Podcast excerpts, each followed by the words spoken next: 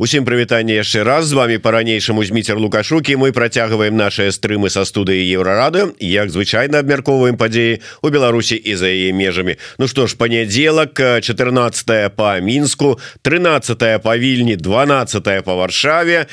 Аб'ядноўваем так вот усе гадзіннікавыя паясы. Але аб'ядноўвае гэта ўсё наш звыклы стрым с нашай выдатнай эксперткай палітычнай аглядальніцай гісторык гісторыкам розай турарбекавай добрый день спадарня роза. Добрый день прачуваю что зараз будзе у нас вельмі цікавая размова і могу просто загаварыцца і забыцца таму ад самага пачатку. Заклікаю усіх подписывайтеся на телеграм-канал спадарыні розы турарбекавай заходзьте там пакідайте читайте вельмі цікавая заўсёды паглядзець что спадарыня роза піша. Прычым часам тое что піша у телеграм-канале нема не у нас в эфирах э, скажем на яе старонцы у фейсбуку так что лепш ж сачыць там за ёй. Ну і безумоўна YouTube канал еўрарадыо ставце свае падабаечки націскайте на званочак подписывайтеся расшэрвайте каб як мага большая колькасць людзей паслухала і паглядзела добрыя думкі абазнанага чалавека. А я да вас спадарня роза найперш як да гісторыка звярнуся. А, і вот гэтая ўся сітуацыя с а, са стварэннем ці напісаннем подручніка по гісторыі адзінага для Беларусі і Росіі Як это навіна вот вы з пункту гледжання професіянала як гісторык якія у вас былі эмоцыі уражанні калі вы гэта пачулі? Ну у меня больше здесь вопросов чем ответов Впечатления у меня самые, конечно, грустные, потому что очевидно, что если будет писаться одна история на двоих, то эта история будет больше про большого брата, да, про старшего брата, чем про а, младшего, условно говоря. Это первое. Второе. Очень много спорных страниц э, в белорусской истории относительно а, имперского прошлого, советского прошлого, роли Москвы и роли Кремля в трагедии э, белорусского народа, причем не в одной трагедии, как это будет оцениваться. Куда они денут Костуся Калиновского, например, да? Как так уже уже все забаранили, выкинули, э, перекреслили, нават а, без нет, агульного подручника. В школьных учебниках он еще есть. Он, он там его оттуда не выкинули. А, вот. Что касается белорусских просветителей, писателей, а, а, деятелей культуры и разделы Речи Посполитой, как будут оцениваться? БНР куда денут? Вот. Ну, про Вторую мировую войну я вообще молчу. То есть понятно, да, что в целом как бы сложная история Беларуси э, периода оккупации будет писаться кем. Вот. И как она будет оценена. А, уже не говоря о том, как будет оцениваться Чернобыльская катастрофа. Я не знаю, я, ну, я просто... Э, это, это очевидный империализм, колониальная политика а, в перемешку с какими-то там тоталитарными делами. Один учебник на всех, для всех. Мы уже это проходили в советское время. А, например, э, просто в качестве примера привожу. Даже не в, не в школах, а в вузах, на исторических факультетах, разных университетах в разных э, союзных республиках были одни и те же учебники. Вот история СССР был один учебник, где центральное место занимала э, Россия, все, что связано с московским э, княжеством, а вот, а все остальное э, писалось по, по принципу либо остаточному, либо совсем плохо писалось. А, вот. И, но даже в советское время а, в национальных университетах были свои собственные учебники национальной истории. Имеется в виду, например, как то история КАЗССР, да, Казахской Советской Социалистической Республики, и, наверное, что-то аналогичное было с историей БССР, да, Белорусской Советской Социалистической Республики, где в факультативном порядке, фактически, да, но это в школе в факультативном порядке, конечно, на СФАКе читался отдельный курс специально а, был написан учебник, была создана кафедра специально, а, читались курсы, но а, отодвиг... А, то, что это маргинализация идет национальной истории, это очевидно. И у меня вопрос э, заключается в следующем. А следующий шаг будет какой? То есть это будет одна учебная программа на двоих, одна, одна школа на двоих, одна, один университет на двоих. Вот это унификация, которая сейчас происходит, а не то, что комиссию создали совместную, да, эту историческую комиссию. А, вот. Ну да, вот это называется историческая политика. Теперь это уже не просто политика, это уже, а, как это сказать, колониальная политика в сфере образования. То есть это не историческая политика, это не то, что говорит Путин с Лукашенко про историю, там что-то делают с памятниками или что-то там, какие-то оценки даются тем или иным отдельным событиям или э, тем самым деятелям. Вот. А это уже распространяется на сферу образования, а, это уже не историческая политика, это уже образовательная политика, это уже в сфере образования. Ой, ну что я могу сказать? Ну, колонизация, да. Колонизация. А, Колониальная политика. Это все укладывается, ну, вот в целом в колониальную политику. Ну, сдавалось бы, за э, часы незалежности э, выросло поколение историков, для яких история Беларуси э, ну вельмі важная каштоўная. Ну і здавалася б э, нават у такой ситуации яны что вот пойдуць скажуць Ай не вот то что мы писали і даследовали раней Ну гэта ўсё как бы э, ерунда А зараз мы будем вот у гэтай у складзе гэтай писать э, новую гісторыю так як это трэба Москве вот як это працуе? Наколькі гісторыкі здольныя вот на такие учынки Ну во-первых вы знаете знаете, что именно историки стали э, среди всех академических работников да, э, разных направлений научных, да, они стали объектом номер один для репрессий. То есть э, значительное число э, продвинутых историков попросту были уволены, и многие из них бежали. Э, особенно те, которые занимались национальной историей. Да, и сегодня мы в основном видим их э, за пределами страны. Те, кто остались внутри страны, они, э, я так понимаю, вынуждены э, либо приспосабливаться, либо молчать. Это первое. Второе. Я не думаю, чтобы они просто так сдались. А я думаю, что э, как-то я э, слышала, вроде об этом говорилось, что при написании этого учебника вроде как э, есть э, спорные страницы. А я думаю, что если эта комиссия уже работает, если она создана, то там все э, споры неизбежны. А, вот, поэтому я думаю, что белорусские историки, возможно, но это еще за, зависит от того, кто э, из историков белорус. Понимаете, есть белорусские историки, а есть те, которые в Беларуси живут, но не, не являются таковыми, я имею в виду, не являются именно белорусскими историками. А вот, поэтому, а, конечно, предатели везде могут найтись, да, но я думаю, что там еще будет определенный, а, как это сказать, момент э, такого молчаливого сопротивления и попыток, э, ну, как бы не, не сводить историю Беларуси просто к истории колонии, да, территории, части России, вот но в целом мне, мне не нравится вообще, не то чтобы не нравится, мне сама по себе эта идея вызывает, конечно, крайне негативные чувства. Я имею в виду создание единого учебника, а, потому что у нас не единая история, а, у нас разные взгляды. А, и локальное на фоне вот этого большого, да, но просто теряется. Но для нас оно имеет значение, для Беларуси. И белорусская история а, – это в первую очередь история а, не России, не части российской да, империи. Это в первую очередь история а, европейской а, территории, европейской страны и разных форм а, европейской государственности. Я имею в виду, например, Великое княжество Литовское. Кстати, к вопросу о ВКЛ интересно, а как они собираются оценивать, что, что это за образование? Так и будут писать польско-литовские захватчики? Ну, конечно. Но, понимаете, такое может себе позволить, такие высказывания, э, такие типы, а, как Шпаковский и Дерман. А, я их историками не считаю, тем более по базовому образованию они, по-моему, таковыми не являются. Вот. А, собственно, люди, которые получили историческое образование, они э, так, такую терминологию дремучую времен сталин, сталинских каких-то, я не знаю, времен, да, они уже давным-давно не используют. Э, оно было из, как это, изъято из оборота даже. И это не было даже в дискурсе. Вот в учебниках я этого просто-напросто нигде не встречала. Великое княжество Литовское воспринимается как историческая форма белорусской государственности. Ну, Оно... Ну, таких людей, таких таких гісторыкаў якія лічаць вось менавіта так да напісання новых подручнікаў просто не допусцяць а пісаць будут вот такія гісторыкі як шпаковскі як гіген Ну вот кшталту галоўнага гісторыка Беларусі лукашэнкі. Же таксама гісторык хваліцца гэтым.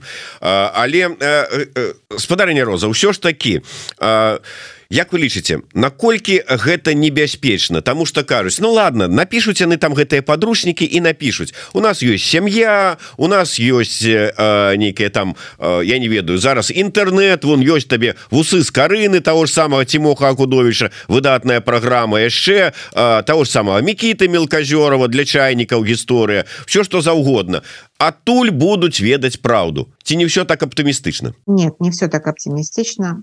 Я была бы и рада так говорить но а, если речь идет о школьном учебнике речь идет о формировании мировоззрения у подрастающего поколения. Извините меня за этот советский стиль сейчас то что сказала да?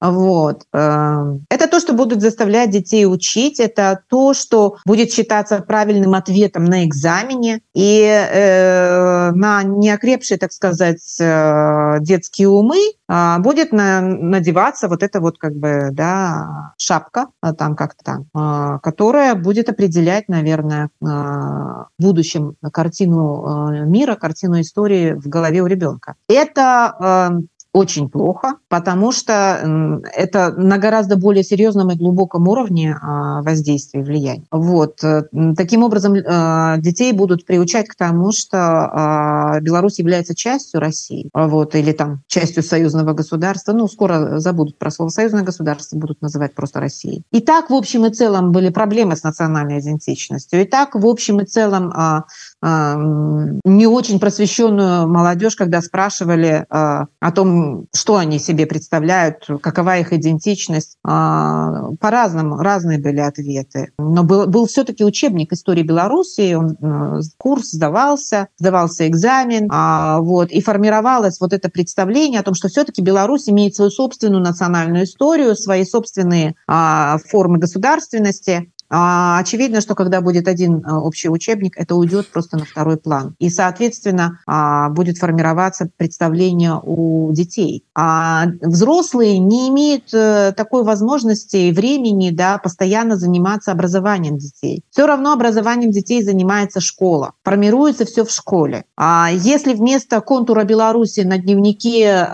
ученика да, средней школы будут, будет контур союзного государства, через несколько лет мы с вами получим получим совершенно другое поколение. И э, наши с вами альтернативные источники, да, они не могут конкурировать в этом смысле. Потому что это вы хотите дать своим детям это, они мож, могут взять, а могут и не взять. А учебник э, в школе учить надо, сдавать надо. И это совсем другой уровень, как бы, как это, уровень дисциплинированности. Да? То есть здесь это все на выбор, а, как бы в, в таком факультативном, да, даже не факультативном, в таком очень свободном порядке э, мало кто как бы будет этим заниматься, только там определенная часть, да, группа населения, которая будет заниматься образованием своих детей. Но они бы и так бы детей бы своих не оставили, да, в этом браке.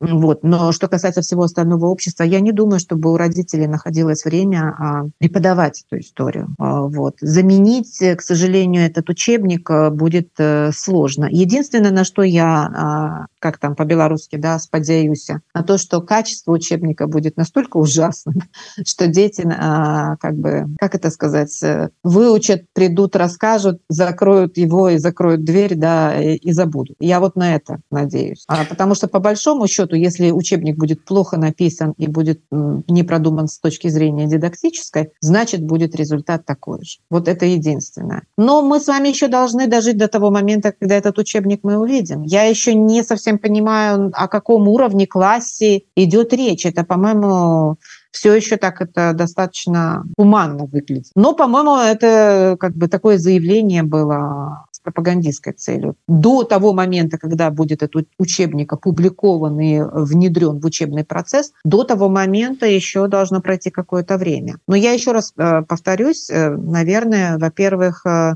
сами белорусские историки будут оказывать определенное сопротивление, дискуссии неизбежны. Это первое. Второе, я надеюсь, что в результате учебник истории будет настолько ужасен, что он не будет просто интересен детям. Вот и все. Но в целом это очень очень угрожающе с моей точки зрения звучит.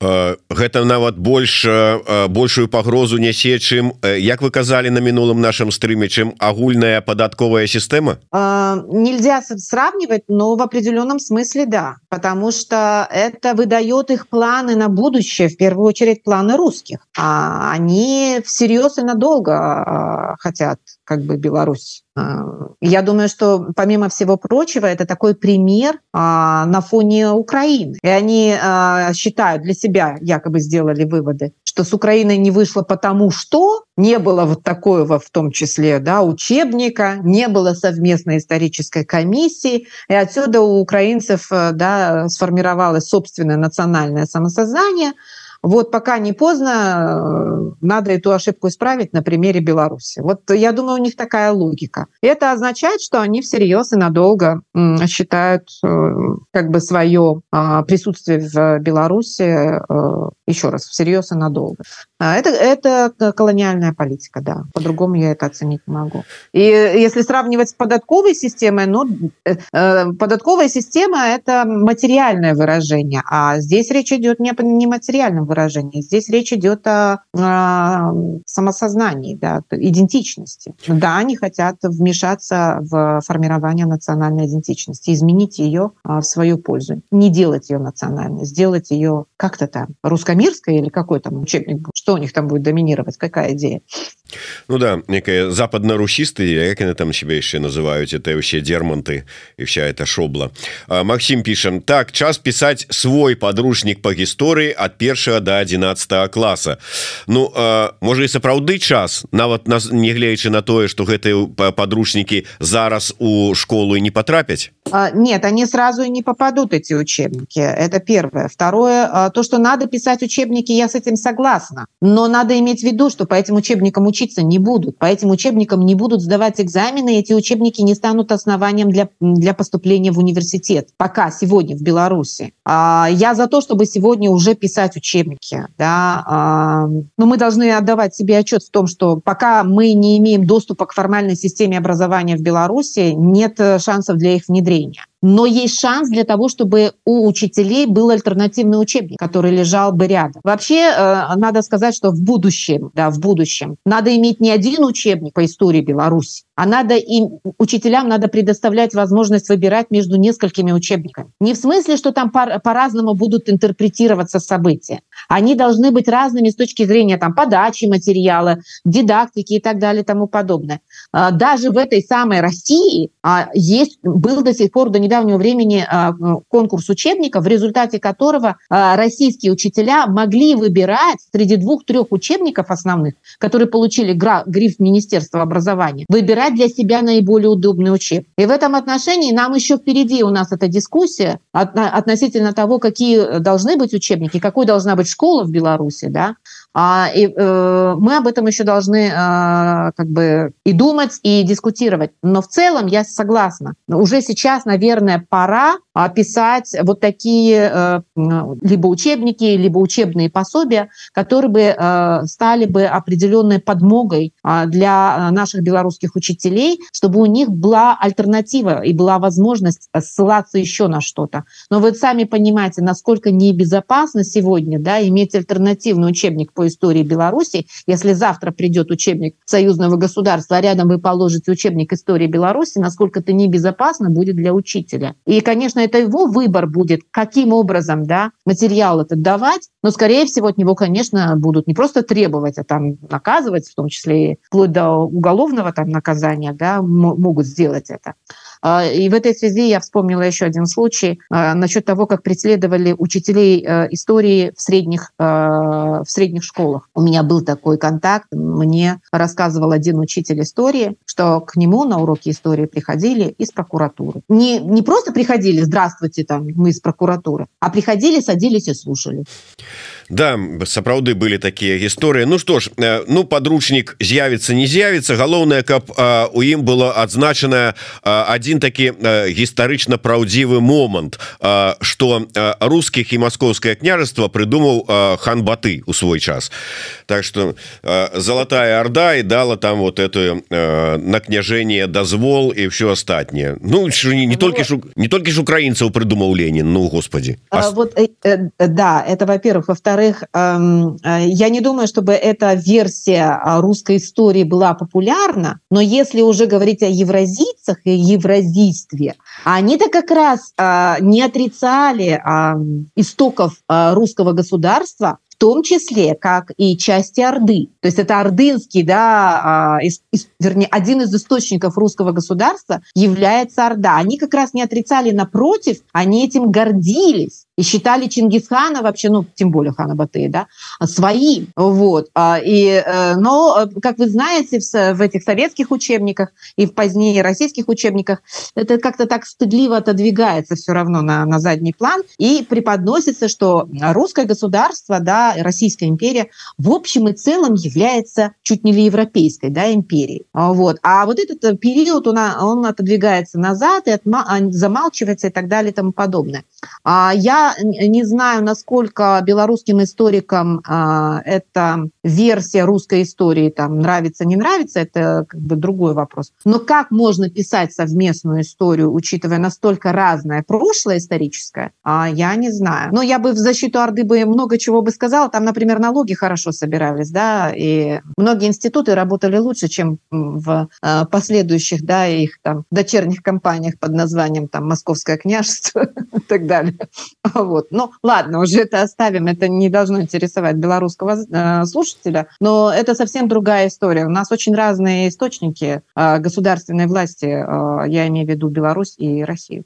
Да не, э, как бы я про тое, як э, там дзейнічала, як была пабудаваная сама Орда, ніякіх прэтэнзій. Яны сябе пабудавалі, а я про тое, як Орда вот э, там ханы сядзелі і придумали маскавітаў. Э, во-первых, во-вторых, Э, э, это, это явля... они являлись их вассалами, но не просто вассалами, а вассалами, которые перенимали порядки. Ведь, собственно говоря, то, на чем выстраивалось русское государство, включая, например, если мы с вами можем там вспоминать там, и Ивана Третьего, и Ивана Четвертого, да, Грозного, вот, э, они непосредственно тоже были все связаны а, с Ордой, так или иначе, они даже татарский язык знали, да, а, как сейчас английский, так для них татарский тогда был, да, язык, э, язык международного общения скажем так. Но самое интересное, что в этой ситуации я хотела бы сказать, что самое ужасное, что было перенято у Орды, а Орда в свое время и Чингисхан в свое время, а когда основывал свое, свое государство, брал, это, брал эти идеи у Китая, а, это, конечно, идеи вот этого легизма фадзя, которая настолько а, по своей сути является жестокой, да, эта, эта концепция фадзя, что она в свое время в Китае, это потом было ну, нивелировано в так называемое неоконфуцианство. Но в Орде оно воплотилось фактически, с моей точки зрения, почти идеально. И уже русское государство,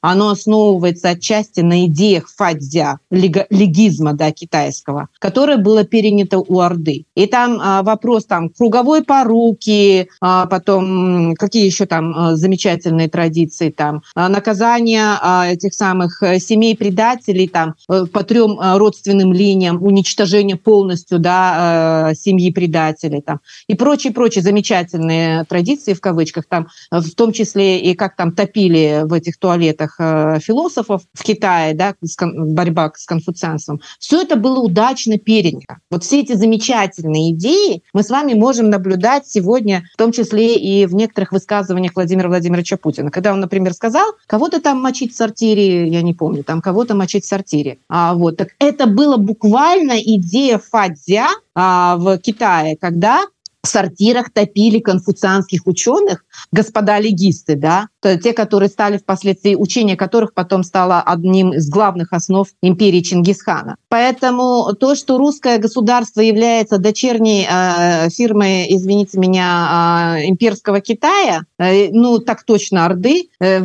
я в этом никогда не сомневалась. Я вижу и прослеживаю в их и мыслях, и идеях, и действиях а как раз именно эти идеи, идеи Фадзя, а, тогда, когда сила государства является главной определяющей, а люди по сравнению с этим ничто и никто, лишь материал. А вот, в общем и целом это было задолго до Иосифа Виссарионовича Сталина, но просто Сталин тоже в определенном смысле является как бы идейным, перенял это идеи, эти идейные, это идейное наследие. Поэтому в основах русского государства, как такого государства, как, как это дочерней компании, да, Орды, я не сомневаюсь э, вообще в целом, в принципе. Для, по, именно поэтому для меня, я считаю, это странным соединение истории России и Беларуси, потому что у Беларуси совсем другие э, исторические, как это, источники э, создания государства в целом, да, политической мысли, например. В этом смысле Беларусь является и белорусская история, и белорусские государственные образования исторические являются абсолютно европейскими по своей сути. Ну да э, аб'яднаць у одну гісторыю гісторыю ВКЛ гісторыю золотой Орды Ну неяк що ж таки цяжкавата мне падаецца.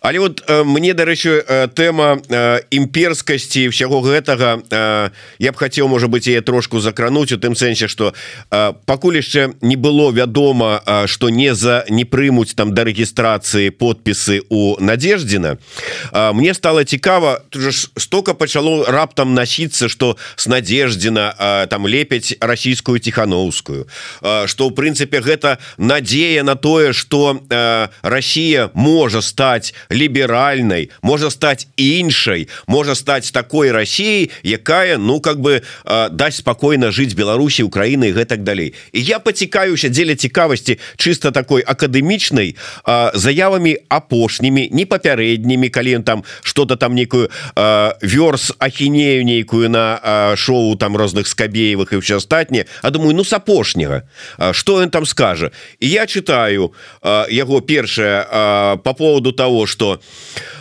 ну Крым Украине никто не вернет я конечно супраць войны люди павінны спыніць вот это забивать один одного но не один президент России кем бы ён ни был не верне тэрыторыі вот Украины до да, межаў 91 -го года мы сядем будем пераговарваться А про что будете пераговарваться вот узнікае пытанне только про умовы на якіх вы скрадзеныя тэрыторыі сабе покидаете ці там іншае. А украинцы это те же самые русские. Поэтому вот мы не можем их победить потому что ну русские шаны хорошо воюют и поэтому тут русские и там русские. Ободва добра воюют и вот поэтому ничего не отрымливается и я думаю что это? И это вот либерал и это вот тая либера либеральная Россия якая типа там дать магчымасць э, там не перашкаджать жить астатнім народам? Те это у их во всіх этих э, подкорку и вот это тое что мы там жартавалі пашкрабі любого российского ліберала і там будзе імперец это сапраўды так ну во-первых э, насчет надеждина у меня на них на него никаких надежд не было да? несмотря на его многообещающую фамилию а я думаю что это абсолютно такой ну как это сказать это имитация которая призвана переключить часть общества э, на вот эту вот риторику а, Кремль работает более тонко чем администрация Лукашенко они они вот это вот, э, это их любимое занятие насчет политтехнологии и прочее. А, Надеждин, с моей точки зрения, Надеждин – это просто политтехнология, призванная там где-то смягчить, канализировать определенное недовольство там и так далее и тому подобное. Что касается русских либералов, это, конечно, один, один, один отдельный большой вопрос, который необходимо обсуждать. А в целом, конечно, они так и не смогли преодолеть этот имперский комплекс. Это очевидно.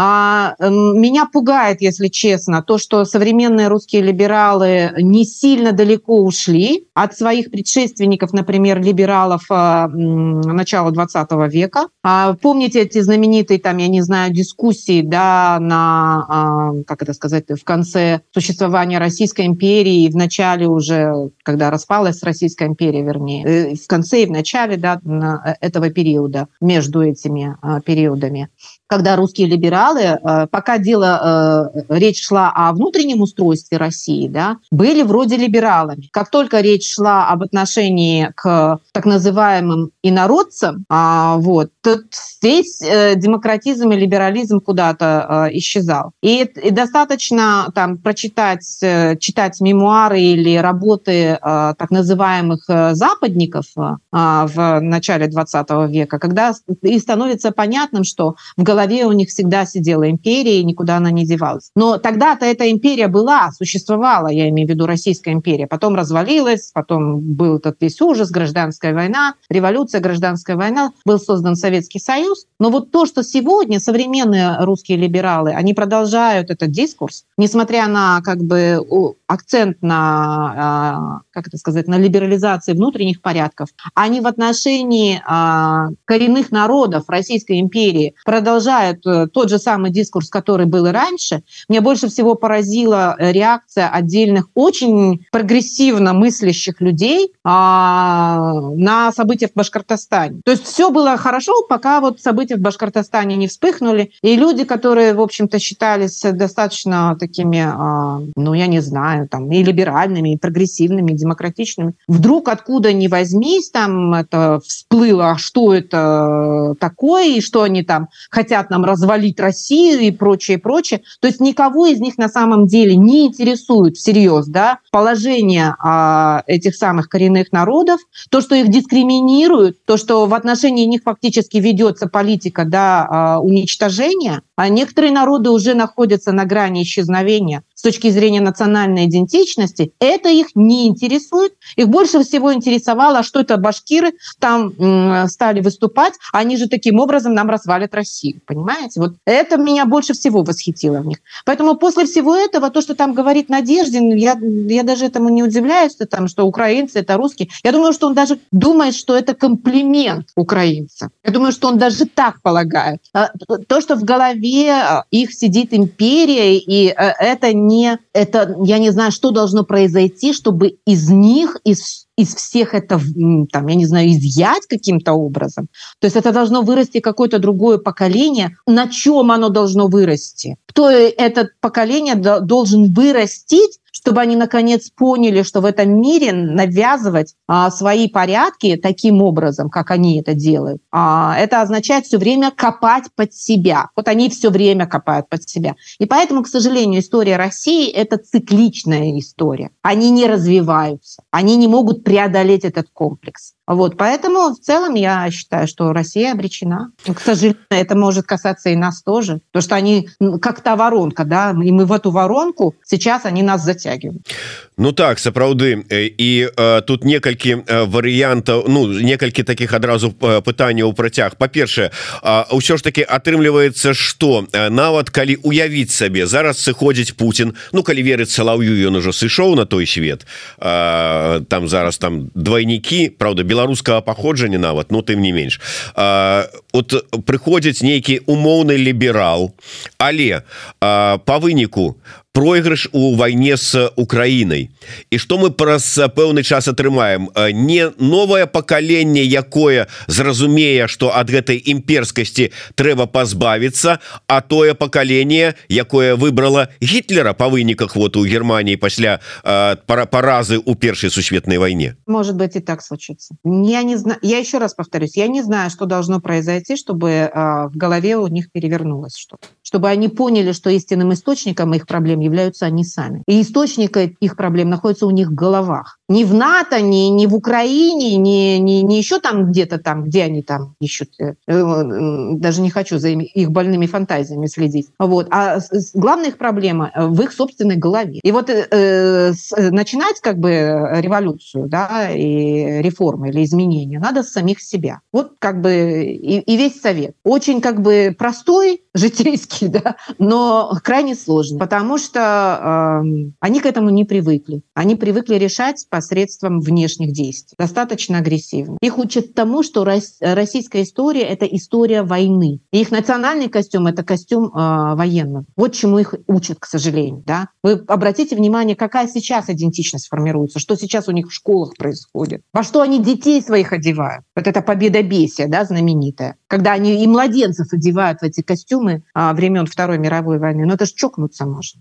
Але але і Беларусь доганяе я гляжу вот я просто глядзеў лічбы там же ствараюць это за зараз нейкіе это военно-патрыятычныя групы у якіх паводле інфармацыі 4 тысячи дзяцей зараз знаходзіцца но они туда их записывают знаете как берут э, журнал классный да или состав учеников и переписывают их это же не вступление добровольное это совсем другой уровень белорусы другой народ вообще в принципе в целом то есть отличие русских от белорусов достаточно очевидное а белорусы никогда себя не считали народом победителем народом который покоряет весь мир. Никогда такого не было. У белорусов совсем другая история. Это история трагедий драм человеческих потерь больших а разли различного рода войн которые проходили через территорию беларуси. Э, причем тут местное население ни при чем но оно очень сильно страдало. И это передается на таком уровне извините на уровне там бабушек дедушек э, школьные учебники тоже об этом говорят. То есть самовосприятие идентичность у белорусов совсем другая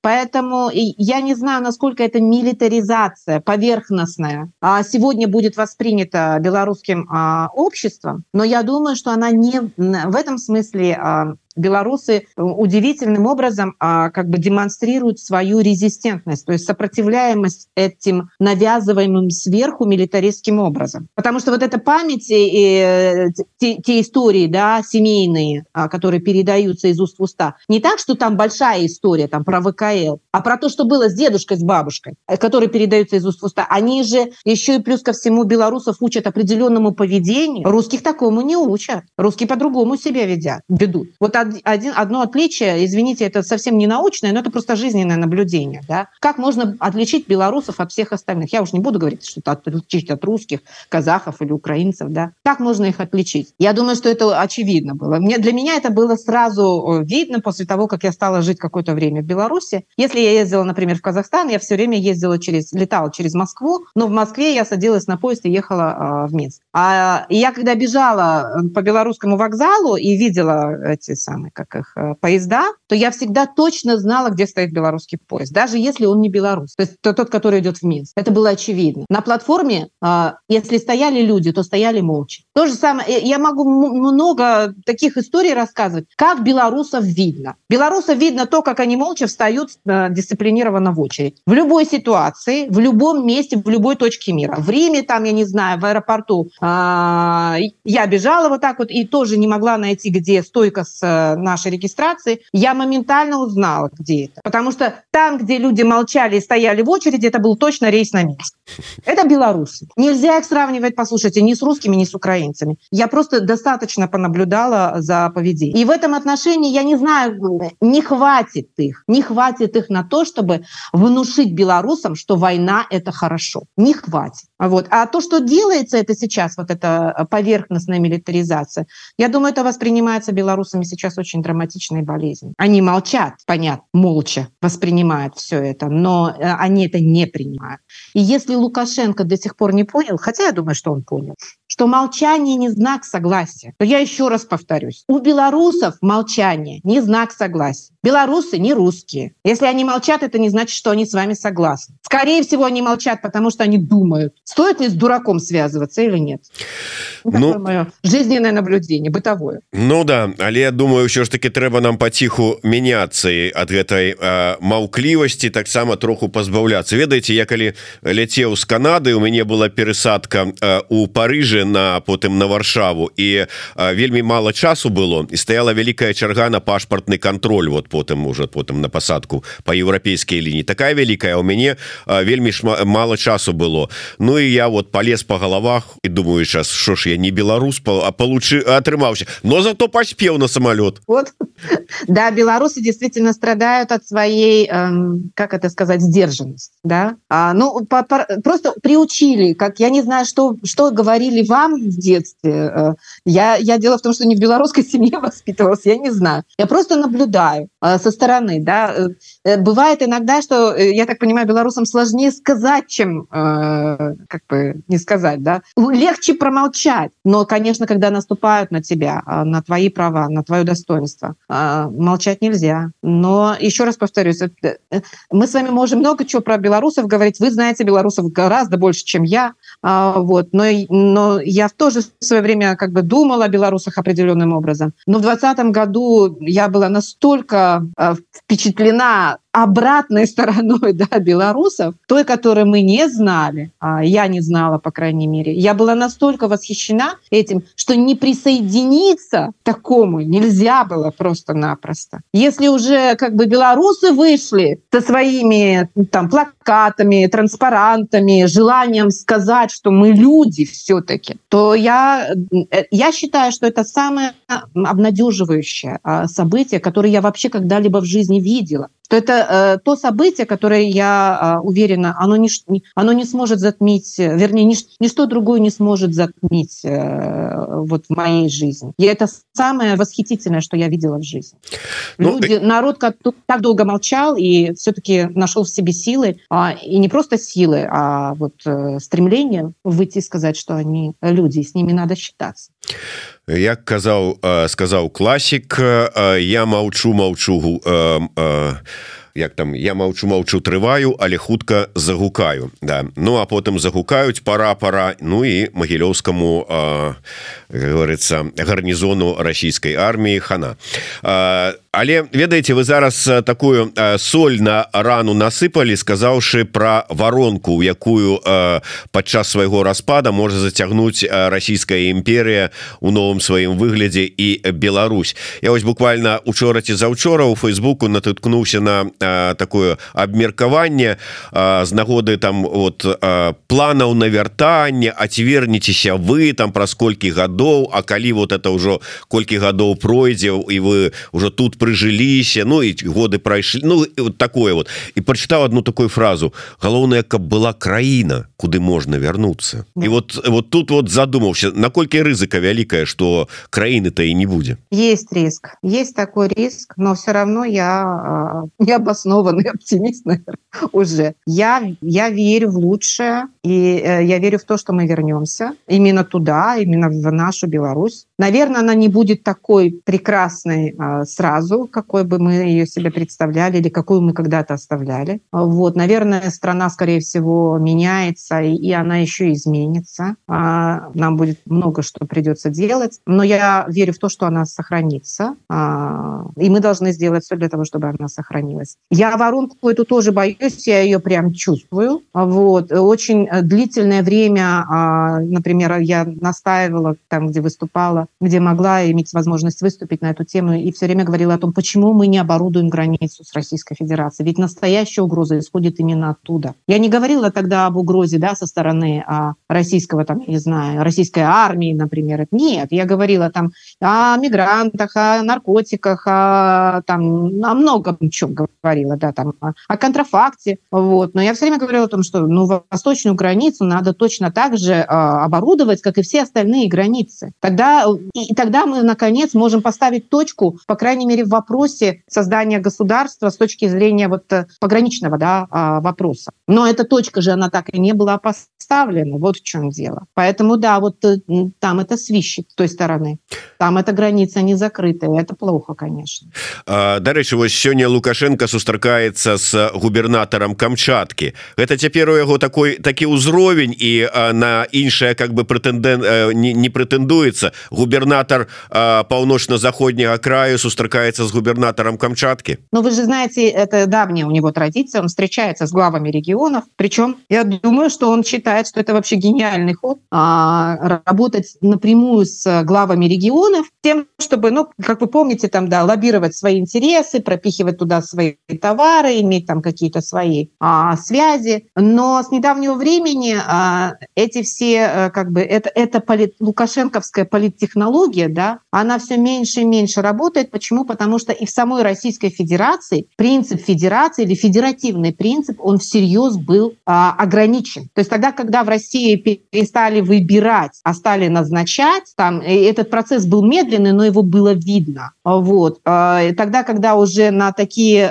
национальные как бы автономии. Людей стали буквально присылать из Москвы, а, в общем и целом а, вот эта лукашенковская политтехнология устанавливать так называемые горизонтальные связи, а, эта политтехнология перестала быть, с моей точки зрения, эффективной. Он и все еще думает, что это эффективно, отчасти это, наверное, эффективно, но в целом, если вспоминать, что было, например, там, в начале 2000-х годов, когда это работало, хорошо работало, особенно он хорошо работал с красными, да, этими губернаторами из коммунистической партии. Понятно, почему. Близкие они ему по духу были. А вот сейчас это не работает. Вот, поэтому... А с кем ему еще и встречаться? Вот скажите. Больше не с кем. Да, и, и, и, и президент э, африканский помер там черговый, где там Зимбабве, что ли, где там?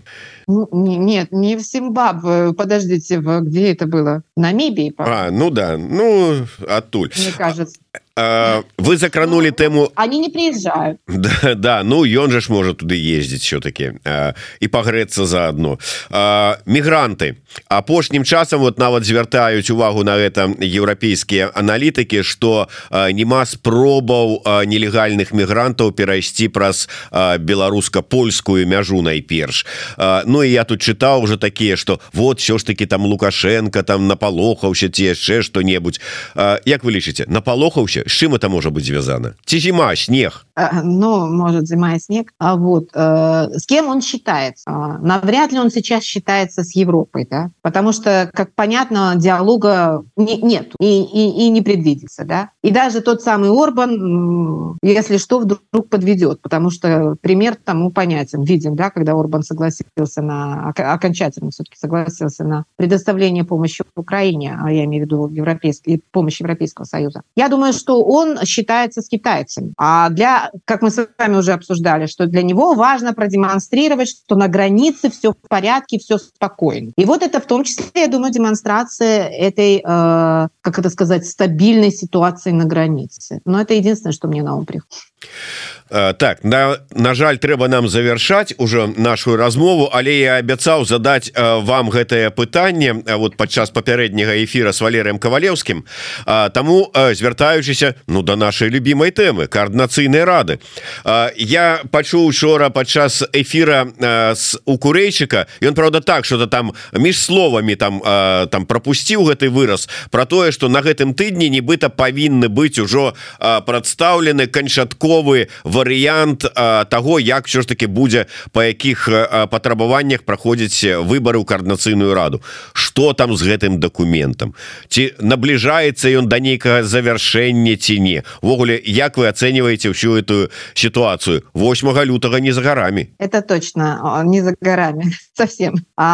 Процесс идет но и вот э, спасибо что вы мне это сказали я честно я, я честно сказать здесь то не очень было оптимистично я считала что мы до вы выработки общего такого общих правил, да, а, еще достаточно много дискуссий может возникнуть по дороге и препятствий, но я не буду пока ничего говорить. Я надеюсь, что, может быть, вот у нас обычно заседание в определенный день, а это будет э, в середине недели. Я надеюсь, что там э, ситуация прояснится. А, я, я, как вам говорила, я не сильно вникаю в то, что происходит. У нас там два, по крайней мере, органа, которые занимаются этим. Оргкомитет, еще какой-то общественный, да, Э, совет. Но в основном, конечно, скорее всего, решения принимаются оргкомитетом. Они принимаются и предлагаются нам на обсуждение на Координационном совете.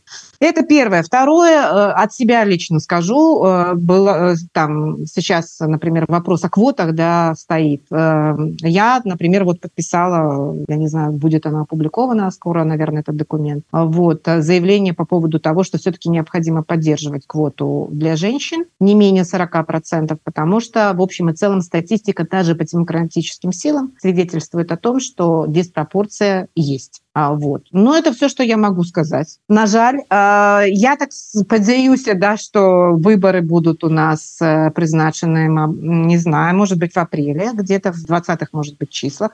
Это очень оптимистичный сценарий. Но так как я оптимист, я верю в то, что это вполне возможно, что это произойдет.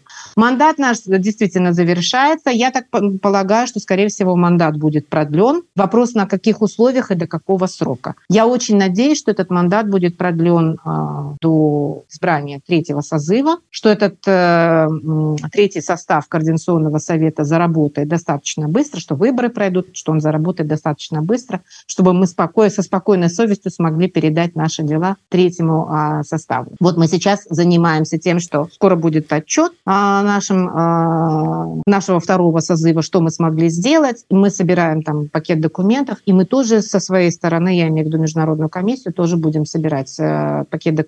А то, что мы будем передавать наши дела третьему э, созыву. Мы, в общем, готовимся к переходному периоду, я бы сказала так. Но а Куречик, он гораздо более глубоко в теме, я вижу, он принимает участие в дискуссии относительно правил. Я надеюсь, что он как бы принес вам хорошую, достоверную информацию. Надеюсь, что она подтвердит.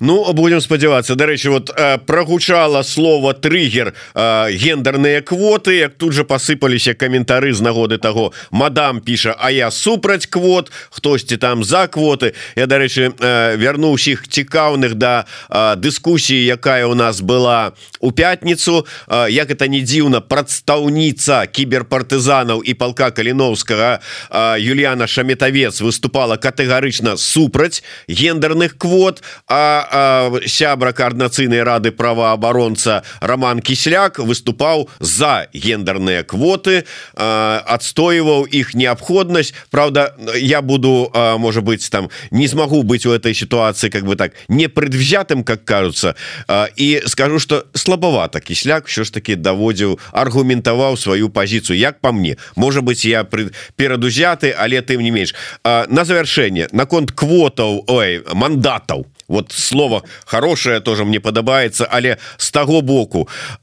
Ізноўку пачаліся размовы про тое что вот там же что там размовы про фармаванне усенароднага это беларускага схода там уже прызначылі там нейкага там кіраўніка апарата там ці яшчэ там нейкай трасцы ўсё ж таки запасны аэродром рыхтуецца ці не ці вот что гэта за шевеление там Мне кажется это имитация запасного аэродром я в это не верю ну условно говоря не верю то есть даже не условно а я действительно в это не верю я не верю в то что лукашенко себе готовит запасной аэродром только на тот случай если если он серьезно болен. Если он серьезно болен, тогда действительно имеет смысл говорить о запасном аэродроме. Тем более, что теперь я уже могу это сказать э, публично.